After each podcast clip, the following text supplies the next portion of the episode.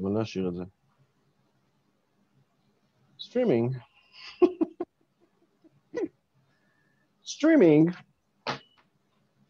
אוקיי, אתה מנעים לצופים את הזמן, זה יפה. מנעים באלף. מנ- מנעים ואלף. ברוכים הבאים לפודקאסט שלנו, הכל הקואוצ'ר, הפודקאסט עם כל מה שמאמן צריך. בתוכנית אנחנו הולכים לדבר על אימון, על שיווק, על ניהול עסק ועל כל מה שתצטרכו כמאמנים כדי להצליח. כל תוכנית, הפורמט יהיה בדיוק כמו בפגישה אימונית. בחלק הראשון נדבר על אבדה בזמן שאתם מכינים את הקפה, בחלק השני נציב מטרה מדויקת לפרק של היום, בחלק השלישי נדבר על החסמים שמונעים מכל מאמן להשיג אותה, בחלק הרביעי נדבר תכלס על מה שצריך לעשות כדי להתקדם, ולסיום תקבלו שיעורי בית כי מה שווים כל הדיבורים בלי עשייה. והיום אנחנו הולכים לדבר על אימון בסגר, אבל לפני זה, מה קורה אבירם? איך עבר השבוע? נו באמת, איך עבר השבוע? איך שהוא עבר על כולנו, הלאה בבאללה, מה שנקרא. בבאללה. סגר, חגים, הילד בבית, אני במשמרות בייביסיטר עם אשתי, סלט, מה שנקרא. אה, טעים אה. סלט? מה זה טעים, חבל על הזמן. האמת היא שכאילו לא פשוט הסיפור הזה. מה זה הסיפור הזה? הסגר? הסגר והקורונה, ו... דרך אגב, לא אמרתי לך מה חדש, אפרופו מה חדש, אתמול ראיתי uh, בקבוצה של המשפחה שלנו בוואטסאפ, אה, אבא שלי שלח, וואי, סליחה, אבא שלי שלח uh, כזה הודעה מהעירייה שחדרה, יכולים לברך אותי, חדרה בשעה טובה עיר אדומה. וואו, וואו, אינדיד. אז uh, כן, אז uh, מסתבר שאיזה סתום אחד uh, שלמד, לומד עם אחיין שלי, הוא בכיתה י' או י"א, לא זוכר, הוא בתיכון. איזה אחד יצא למסיבה, השתכר, השתולל, נדבק, הלך לבית ספר למחרת, הדביק את כל התיכון. אז כל הבית ספר נסגר, ובום, כאילו, לא יודע, זה יוצא אלף נדבקים חדשים. כל ב- העיר נסגרה. כל העיר אדומה. כל העיר צהלה ושמחה. אבירם, אתה כל הזמן אומר לי שבחלק הזה יש משהו שאתה כל הזמן מחכה להגיד, אז אולי תגיד אותו כבר. מה, באבדה? כן, חוץ מלצחוק על האבדה. היה לי אה, מקרה לפני שבועיים, שפנה אליי אה, מישהו, טלפון צלצל, פנה אליי מתאמן מתעניין. אה, הגעתי לשפיץ, טטטה, קיבלתי לך המלצה, מפה לשם. אה, מה גרם לך לפנות אליי? והוא אמר לי את המשפט הבא: האמת היא שהפסיכולוגית שלי אמרה לי שהיא חושבת שאני לא זקוק לטיפול, אלא לאימון. וואו. וואו, לגמרי. אז כאילו, הייתי בשוק ואמרתי, בואנה, הגיעו אה, ימים חדשים. כן, יפה שפסיכולוגית יודעת להפנות לקואוצ'ר גם כשצריך. לגמרי, לגמרי, לגמרי, ואנחנו תמיד מרגישים באיזשהו, אני שומע את השיחות שכביכול אה, מאמן הוא פסיכולוג וואנאבי וכל מיני כאלה, ואם הפסיכולוגים הבינו, או מתחילים להבין סוף סוף, שאימון זה משהו אחר לגמרי ויש לו איכויות שמטפל לא יודע לתת, אז אפשר להגיד אה, ניצחנו בריש גלי, וגם לפני שמונה שנים, שהייתי מאמן בתחילת דרכי והתחלתי למכור את זה החוצה, זה שמונה שנים, כן? באחוזים זה הרבה זמן מתוך שנות קיומנו כ- כמקצוע. אה, אמרתי אז ותמיד אמרתי, אימון קואוצ'ינג זה לא גימיק, זה משהו ש... שהולך להישאר לנצח, יש לו כוחות מטורפים, ואני חושב שלאט לאט כל עשור דור חדש נכנס לשנות ה-20 לחייו ו... ומבין את העוצמה שיש לנו, וזה מה שרציתי להגיד. סוף סוף אמרת את זה. סוף סוף אמרתי. לשמחתי, אני רואה שיש אה, באמת הרבה פסיכולוגים שגם הם יודעים להגיד, זה לא בדיוק התפקיד שלי, אני לא מתעסק בלהשיג מטרה כאן ועכשיו, אלא התהליך איתי הוא קצת יותר עמוק, הוא בדברים שהם קצת שונים, במטרות שהן קצת שונות, ויש באמת פסיכולוגים שיודעים להגיד, זה מה שעושה מאמן, אבל קודם כל אני חושבת שאנחנו צריכים לדעת להגיד מה מאמן עושה ומה ההבדל שלנו מפסיכולוגים, אני בטוחה שאנחנו נכון, אבל מצ... כבר. אני מסכים איתך לגמרי, אבל הרבה מאמנים יודעים לעשות את ההפרדה ולהגיד, אוקיי, זה במגרש הפסיכולוג, זה לא שלי.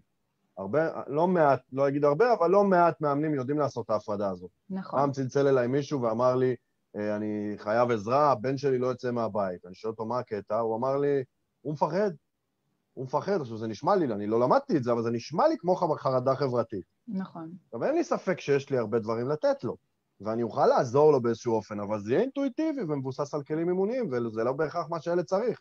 צריך טיפול. אז אמרתי לו, תקשיב, אמרתי לו את מה שאמרתי לך הרגע, והמלצתי לו לפנות למישהו, אפילו המלצתי לו, הפניתי אותו למישהו, אני לא זוכר, היה מזמן. אז אה, אני חושב שאם אנחנו ניקח מקרים כאלה, אנחנו חסרי אחריות באיזשהו אופן. אה, אבל גם באותה מידה הפסיכולוג שייקח מקרה כזה הוא חסר אחריות. ואני חייבת לעצור אותך, כי אנחנו צריכים להתחיל להתעסק בפרק של היום. נגמר העבודה. נגמר העבודה. אה, ובואו נדבר קצת, איך עושים את המעבר הזה בכלל כאילו לווירטואלי, ומה המטרה שלנו היום בכלל בפרק הזה. אז קודם כל המטרה היא כזאת.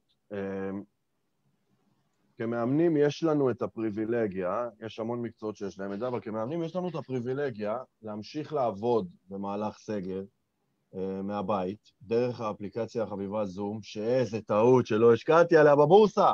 עכשיו מניות יקרות, לא נורא.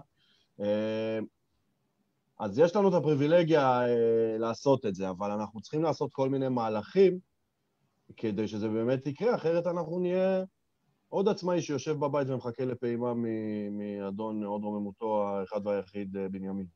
אז מה אז, המטרה שלנו בפרק? אז המטרה שלנו היא בעצם מתחלקת לשלוש תתי מטרות, אבל היא באמת לבצע את המעבר מפרונטלי לווירטואלי, או כמו שנטלי ציינה, היברידי. זה השם הכי מצחיק בעולם, סורי. אין על היברידי. הגיע מעולם האונדר סיביק או טויוטה קורולה, לדעתי, הם הראשונים. מבחינתי היברידי זה רק רכב.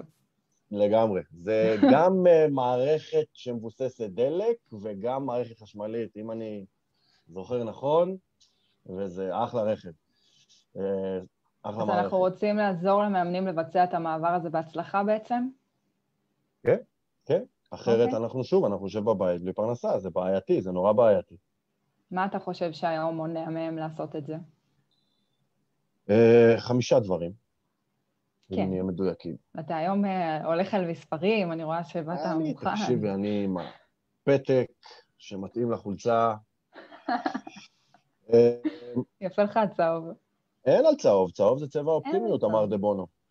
בקיצור, אה, הדבר הראשון הוא באמת, וזה היה המחסום שלי בעבר, כל האנטי-טכנולוגיה, כאילו זה מתחלק לשתיים, יש את הטכנופובים, שזה מישהו שהייתי פעם, שזה ממש לפחד מהסיפור הזה, ויש את אלה שפשוט אומרים, אין, זה, זה לא יעיל ולא יעבוד בזום כמו שזה עובד פרונטלית, פיזית, בארבע עיניים אה, בקליניקה.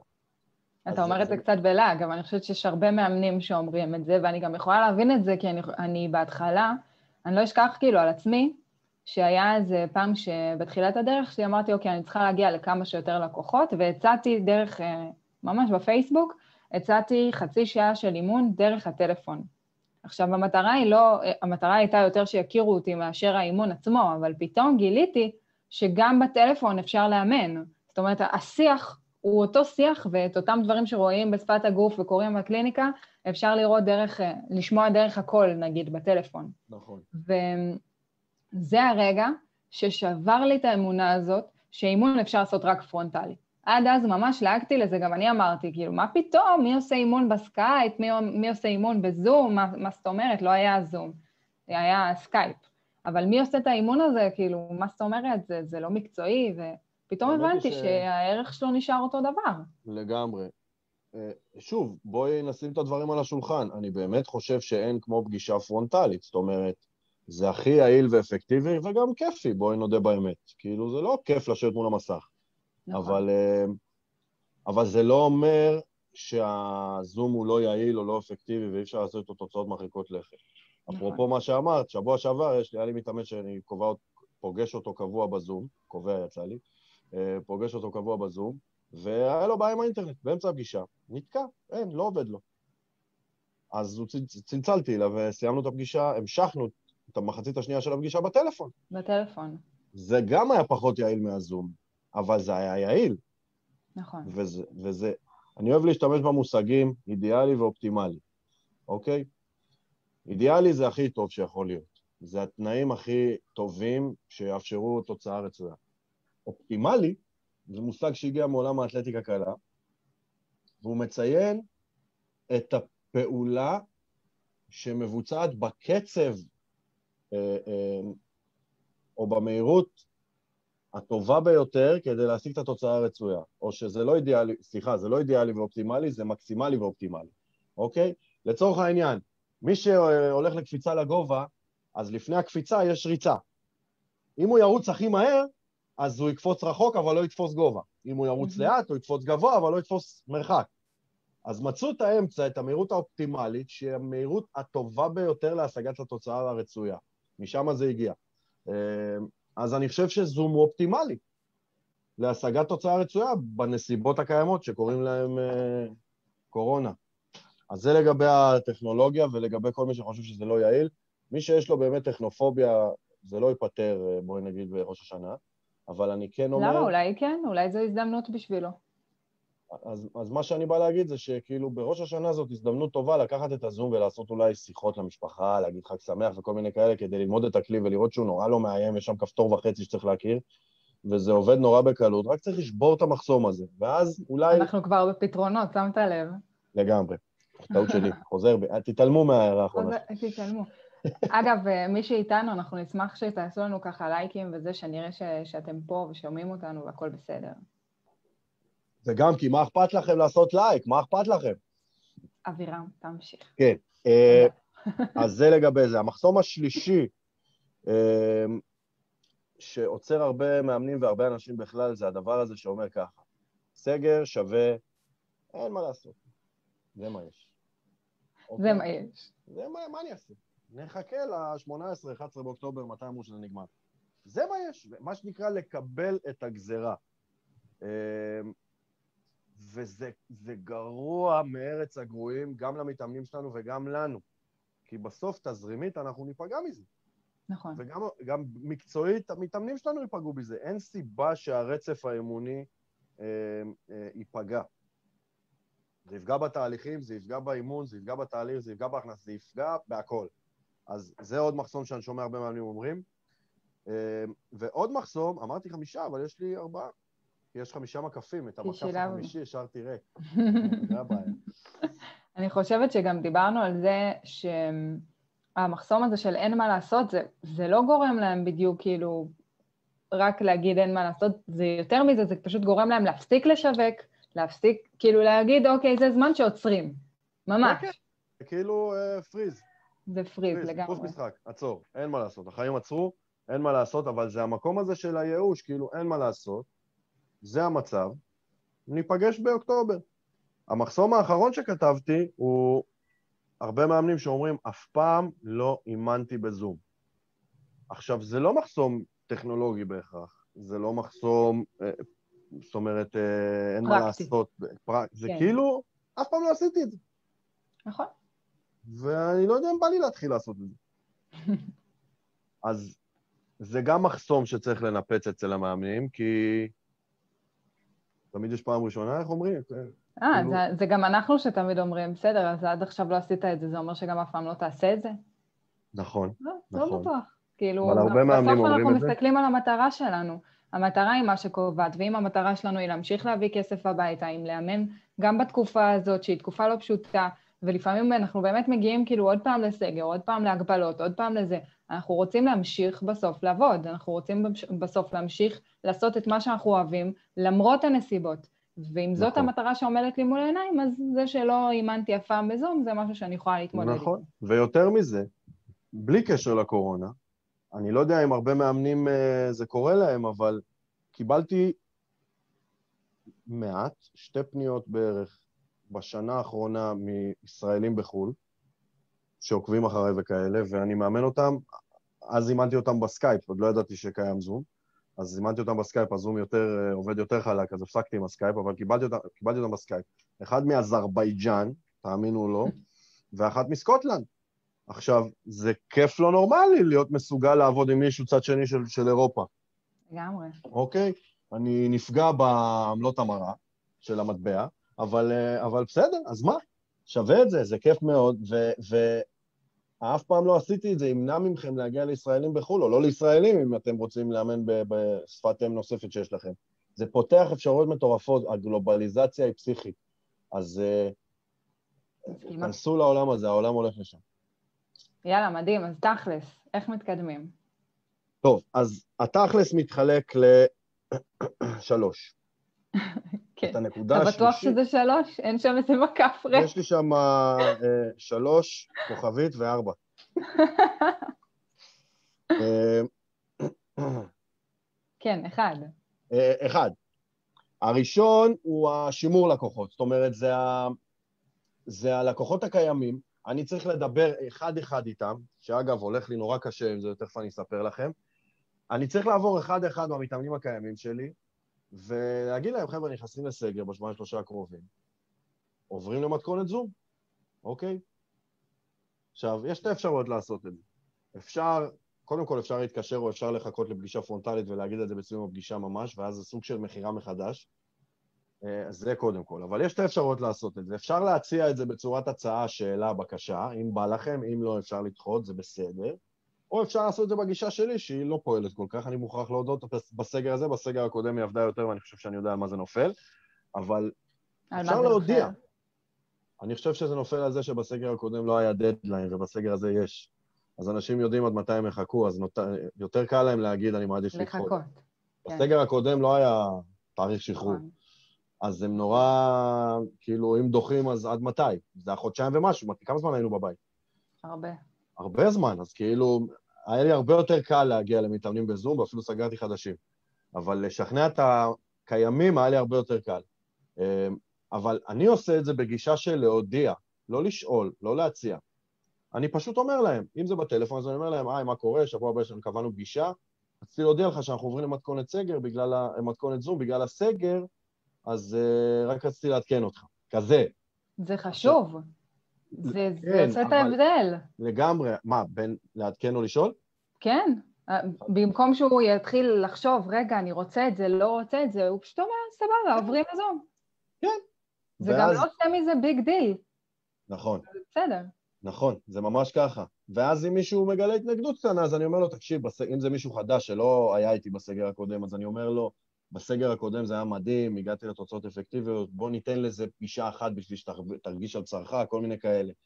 אה, נכון. יש מה להגיד, אבל אה, כאילו אה, הנחמדים מדי במרכאות יגידו מיד, אוקיי, בסדר, אז אנחנו ניפגש באוקטובר, ואני אומר, חבל, חבל. שימו את הממונה המקבילה הזו בצד, כי, כי תגידו להם את מה שהם צריכים כדי אה, אה, לאמן את החששות, אפרופו הפרק הקודם. אני אז, חושבת שיש פה משקל שהוא מעבר לזה, כי זה גם סוג של באמת אה, התנגדות וחשש כזה שעולה, שגם אנחנו צריכים לדעת לענות עליו. כאילו, אם אני לא מאמינה בזום, יהיה לי הרבה יותר קשה להעביר את המתאמנים שלי לזום, למרות שאני רוצה להמשיך. לעבוד.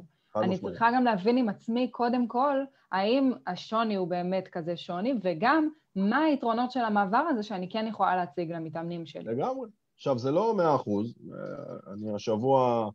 היה לי מאוד קשה עם הסיפור הזה, אה, ונתנו לי התנגדויות שלא הצלחתי לפצח, ואיפשהו, גם אני בסוף אמרתי לעצמי, טוב, נו, הדדליין, לסגר הזה יש דדליין, אז אני פחות יכול, לא חייב ללחוץ כמו בסגר הקודם. אה, בסגר הקודם ממש ישבתי לאנשים על הווריד.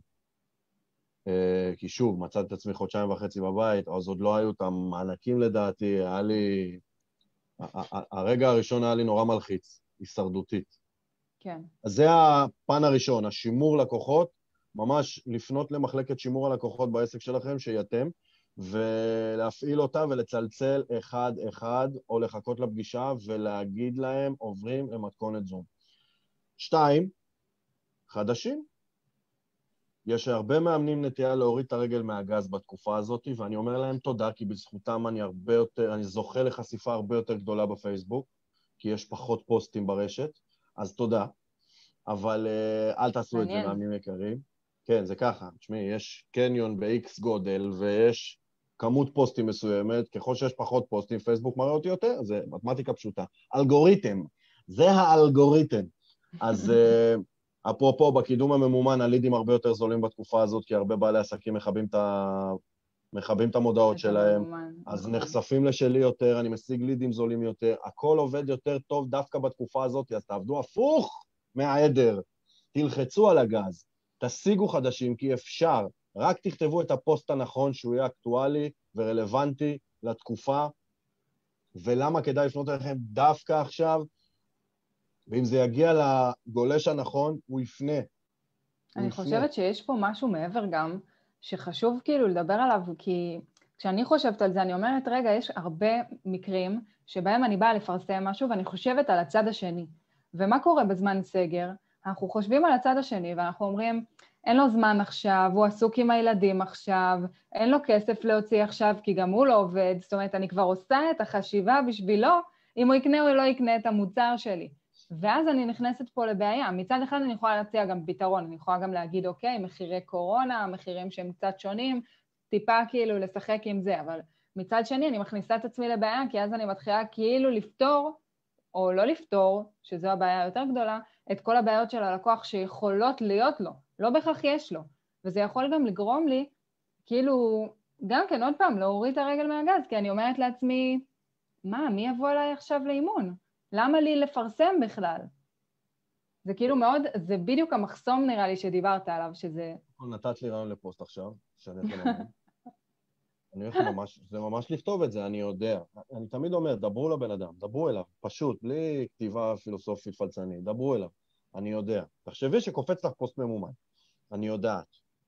אין לך זמן עכשיו, אין לך כסף עכשיו, אתה לא יודע מה יהיה עם החיים שלך עוד רגע, בשביל מה לפנות לקואוצ'ר? אני אגיד לך בשביל מה. טה-טה-טה-טה-טה-טה-טה, ולכתוב, פשוט לכתוב. אבל זה ייגע להם, כאילו דברו לבן אדם, אוקיי? זה פוסט אחלה. ואני תמיד אומר לך, הכתיבה השיווקית הכי טובה שלך, היא כשאת לא מנסה לכתוב, את מדברת. פעם שלחת לי הקלטה, אמרתי לך, תמללי את זה, זה פוסט. כן, את מדהימה כשאת מדברת, לא כשאת... אה, זה. אה, anyway, לענייננו. אז זה הדבר הראשון, תשווקו, תלחצו על הגז, כי, כי, כי אפשר. הדבר השני. דבר שני. דבר שלישי. לקוחות חדשים. דבר שלישי. דבר שלישי. אה, אה, מקצועית? מקצועית צריכה להיות איזושהי התאמה מסוימת, אני תכף אתן לך גם להסביר את זה יותר טוב ממני, אבל צריכות להיות התאמות מסוימות שלנו כמאמנים. כי מקצועית, להעביר תהליך אימוני בזום זה שונה מלהעביר מקצועית תהליך אימוני בקליניקה. צריך לדעת איך לעשות את זה. צריך לדעת איך לעשות את זה, וצריך לעשות התאמות שלנו כאנשי מקצוע, תכלס באימון. נכון. אני חושבת שאנחנו הרבה פעמים מגיעים מאיזשהו מקום בתור מאמנים, שאנחנו אומרים כאילו, יש פה שוני בזום, ואז אנחנו לא יודעים איך להתנהג. ואני דווקא אומרת, הפוך, תתנהגו רגיל. גם בזום תתנהגו רגיל. אם הייתם עושים פתיחה לאימון בצורה מסוימת, תמשיכו באותה צורה. אם המתאמן היה מגיע עם מחברת וצריך לכתוב, אולי אתם הייתם נותנים לו את המחברת, אבל זה לא משנה. פה הוא יצטרך עדיין מחברת ועת, הוא עדיין יצטרך לשבת ולכתוב ולעשות תרגילים, אולי תצטרכו להראות לו את זה קצת אחרת, לעשות לו שיתוף מסך ככה עם הטבלה של התרגיל או משהו כזה, אבל בסופו של דבר ההתנהלות בכללותה, הפגישה היא כמעט אותה פגישה. מבחינת דגשים שהם כן יותר ספציפיים, א', הנושא של ההכנה לפגישה, צריך להכין את עצמנו לפגישה עם כמה דגשים שהם לקראת זום. אם באמת אני עושה תרגיל, להכין את הקובץ עם הטבלה, שיהיה לי פתוח, שאני אוכל באמת תוך רגע לשתף, הנה זה התרגיל שאתה צריך לעשות עכשיו, קח, שב, תעשה. בסדר? שזה יהיה כבר מוכן, שזה יהיה לו מול העיניים. אם אני עכשיו אה, אומרת, אוקיי, יש כמה הכנות שהמתאמן שלי צריך לעשות, אז אני אומרת, אתה צריך קודם כל לשבת במקום שקט, דבר שני לוודא שיש לך קליטה טובה באינטרנט, דבר שלישי עדיפות למחשב או לא משנה מה. דבר רביעי, שזה דבר שדיברתי עליו פה בקבוצה עם יוליה הפעם, שהוא סופר משמעותי, על זה שהמתאמן צריך לדעת שהמצלמה מכוונת אליו, כאילו, הוא לא יכול עכשיו ללכת ולהסתובב ולהשאיר לי את המצלמה פתוחה, הוא צריך להיות בפריים והוא צריך להיות במלוא uh, הקשב לאימון, בדיוק כמו שהוא היה בקשב לאימון אם האימון הזה היה מתקיים בצורה פרונטלית. שפת גוף, שימו לב שגם עכשיו כשאני מדברת, מי שכן רואה אותי, יש כאלה שגם יקשיבו לזה בהמשך, אבל גם כשאני מדברת יש קצת תנועות ידיים, יש הבעות פנים, יש המון דברים, גם הקול שדיברנו עליו שהוא מאוד משמעותי, יש המון דרכים להבין את המתאמן שלנו גם בלי לראות את הגוף בכללותו. ובזום אפשר עדיין להמשיך ו- ולהיות קשובים גם לשפת הגוף של המתאמן שלנו, שהקול הוא לגמרי חלק ממנה, ולהבין דרך זה מה, מה עובר על המתאמן באותו רגע. אני לא חייבת לחוות אותו פנים מול פנים בשביל שאני אדע מה קורה לו, שאני אדע מה לשאול אותו בשאלה הבאה. בסופו של דבר, מאמן מקצועי הוא מאמן מקצועי, זה לא משנה אם זה בקליניקה, זה לא משנה אם זה בטלפון, שזה באמת הלקח הכי גדול שאני למדתי כשעשיתי את האימונים בטלפון, וזה לא משנה אם זה בזום. בסופו של דבר, הערך הוא השיח, והשיח יכול לקרות גם בזום וגם בטלפון וגם בצורה פרונטלית באותה מידה, שזה אגב מוביל אותי גם לנושא של, של מחירים, כי יש הרבה שאומרים, אם זה בזום צריך להוריד לו את המחיר. לא, לא, לא בהכרח. אני לא אומר את זה, אני, אני נגד זה, כי זה, בסוף אנחנו, אני תמיד, אני אמרתי לא פעם, אני מוכר נדל"ן ביומן, וזה לא משנה אם הנדל"ן הזה מופיע כזום או כפרונטלי, נדל"ן עולה כסף. מה שכן, אני חושב שמחירי הנדל"ן ירדו קצת בקורונה. זה, זה, אני חושב, לא, היום ראיתי כתבה שיש... זה בסדר, גם דיברנו שיש, על ההתאמה. בדיוק, אז אפשר להציע הנחת קורונה לקיימים, אוקיי? אפשר לתת להם איזושהי הנחונת, אני תמיד אומר בין חמישה לעשרה אחוז, אמ, ולחדשים אפשר להציע מחירי מבצע, אוקיי? אפשר להציע מחירי מבצע, ותעשו את זה, כי זה הדבר הרביעי, התכלס הכל כך חשוב, מחיר קורונה מיוחד. אנשים רוצים לשמוע את זה, והישראלים אוהבים הנחות, וזה בסדר. אז אה, זה באמת ארבעת הדברים המרכזיים שרציתי... שעושים אה, בהצלחה את המעבר הזה. לגמרי. להצליח לשמר את הקיימים, להצליח להשיג חדשים, אף על פי שהסגר קצר אפשר להשיג כמה פניות, להצליח uh, להעביר מקצועית, נכון, כמו שהסברת עכשיו את הפגישות, ואם צריך, לתת הנחות קורונה, זה בסדר, לא צריך להתנגד לזה. לגמרי.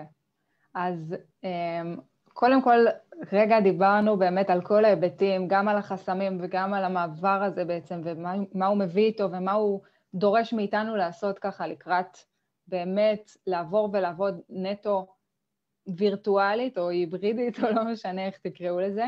אה, אז שנייה לפני השיעורי בית, קודם כל אם יש לכם משהו ככה לכתוב לנו, להגיב, לשאול, אתם מוזמנים לעשות את זה עכשיו, גם לייקים זה יכול להיות uh, מקסים, וגם...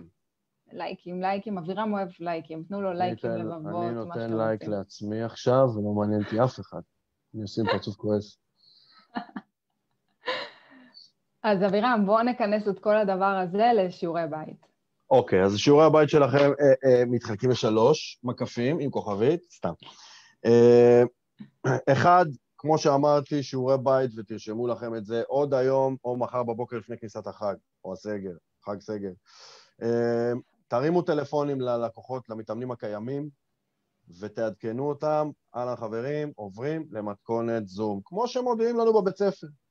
אין הבדל, בבית ספר לא שואלים את הילדים, אוקיי? אבירם, אנקדוטה על ההורה הזה ששלח לך הודעה ומה עשית איתו, כי זה חשוב לדעתי. מה קורה כשלקוח שולח לך הודעה ומעדכן אותך על הסקר ועוד לא הספקתם לדבר? אז יש לי מתאמן שאני פוגש את הבן שלו ביום שישי ב-11, מחר, ולא הספקתי עוד לצלצל אליו, והוא הקדים אותי כי האבא בחור אחראי ועל הכיפאק, הוא הקדים אותי ושלח לי וואטסאפ כזה, טה-טה-טה-טה-טה-טה-טה-טה-טה, to make a long story short, ניפגש אחרי הזום, אחרי הסגר. הרמתי טלפון, אל תענו בוואטסאפ, אתם לא רוצים לתת לבן אדם זמן לחשוב, התקשרו אליו, ואמרתי לו, היי, מה קורה? אה, קראתי את הוואטסאפ שלך בשקיקה רבה, עם זאת, אה, מאחר ואתה לא היית איתי בסגר הקודם, עבדתי עם המתאמנים שלי בזום, וזה נתן תוצאות לא פחות טובות מהפרונטלי, ואני אה, רוצה להציע לך את האפשרות הזאת, ורציתי האמת לעדכן אותך, פשוט הקדמת אותי עם הוואטסאפ, אז כאילו לא יכולתי כבר לעדכן, הוא הקדים אותי וזה.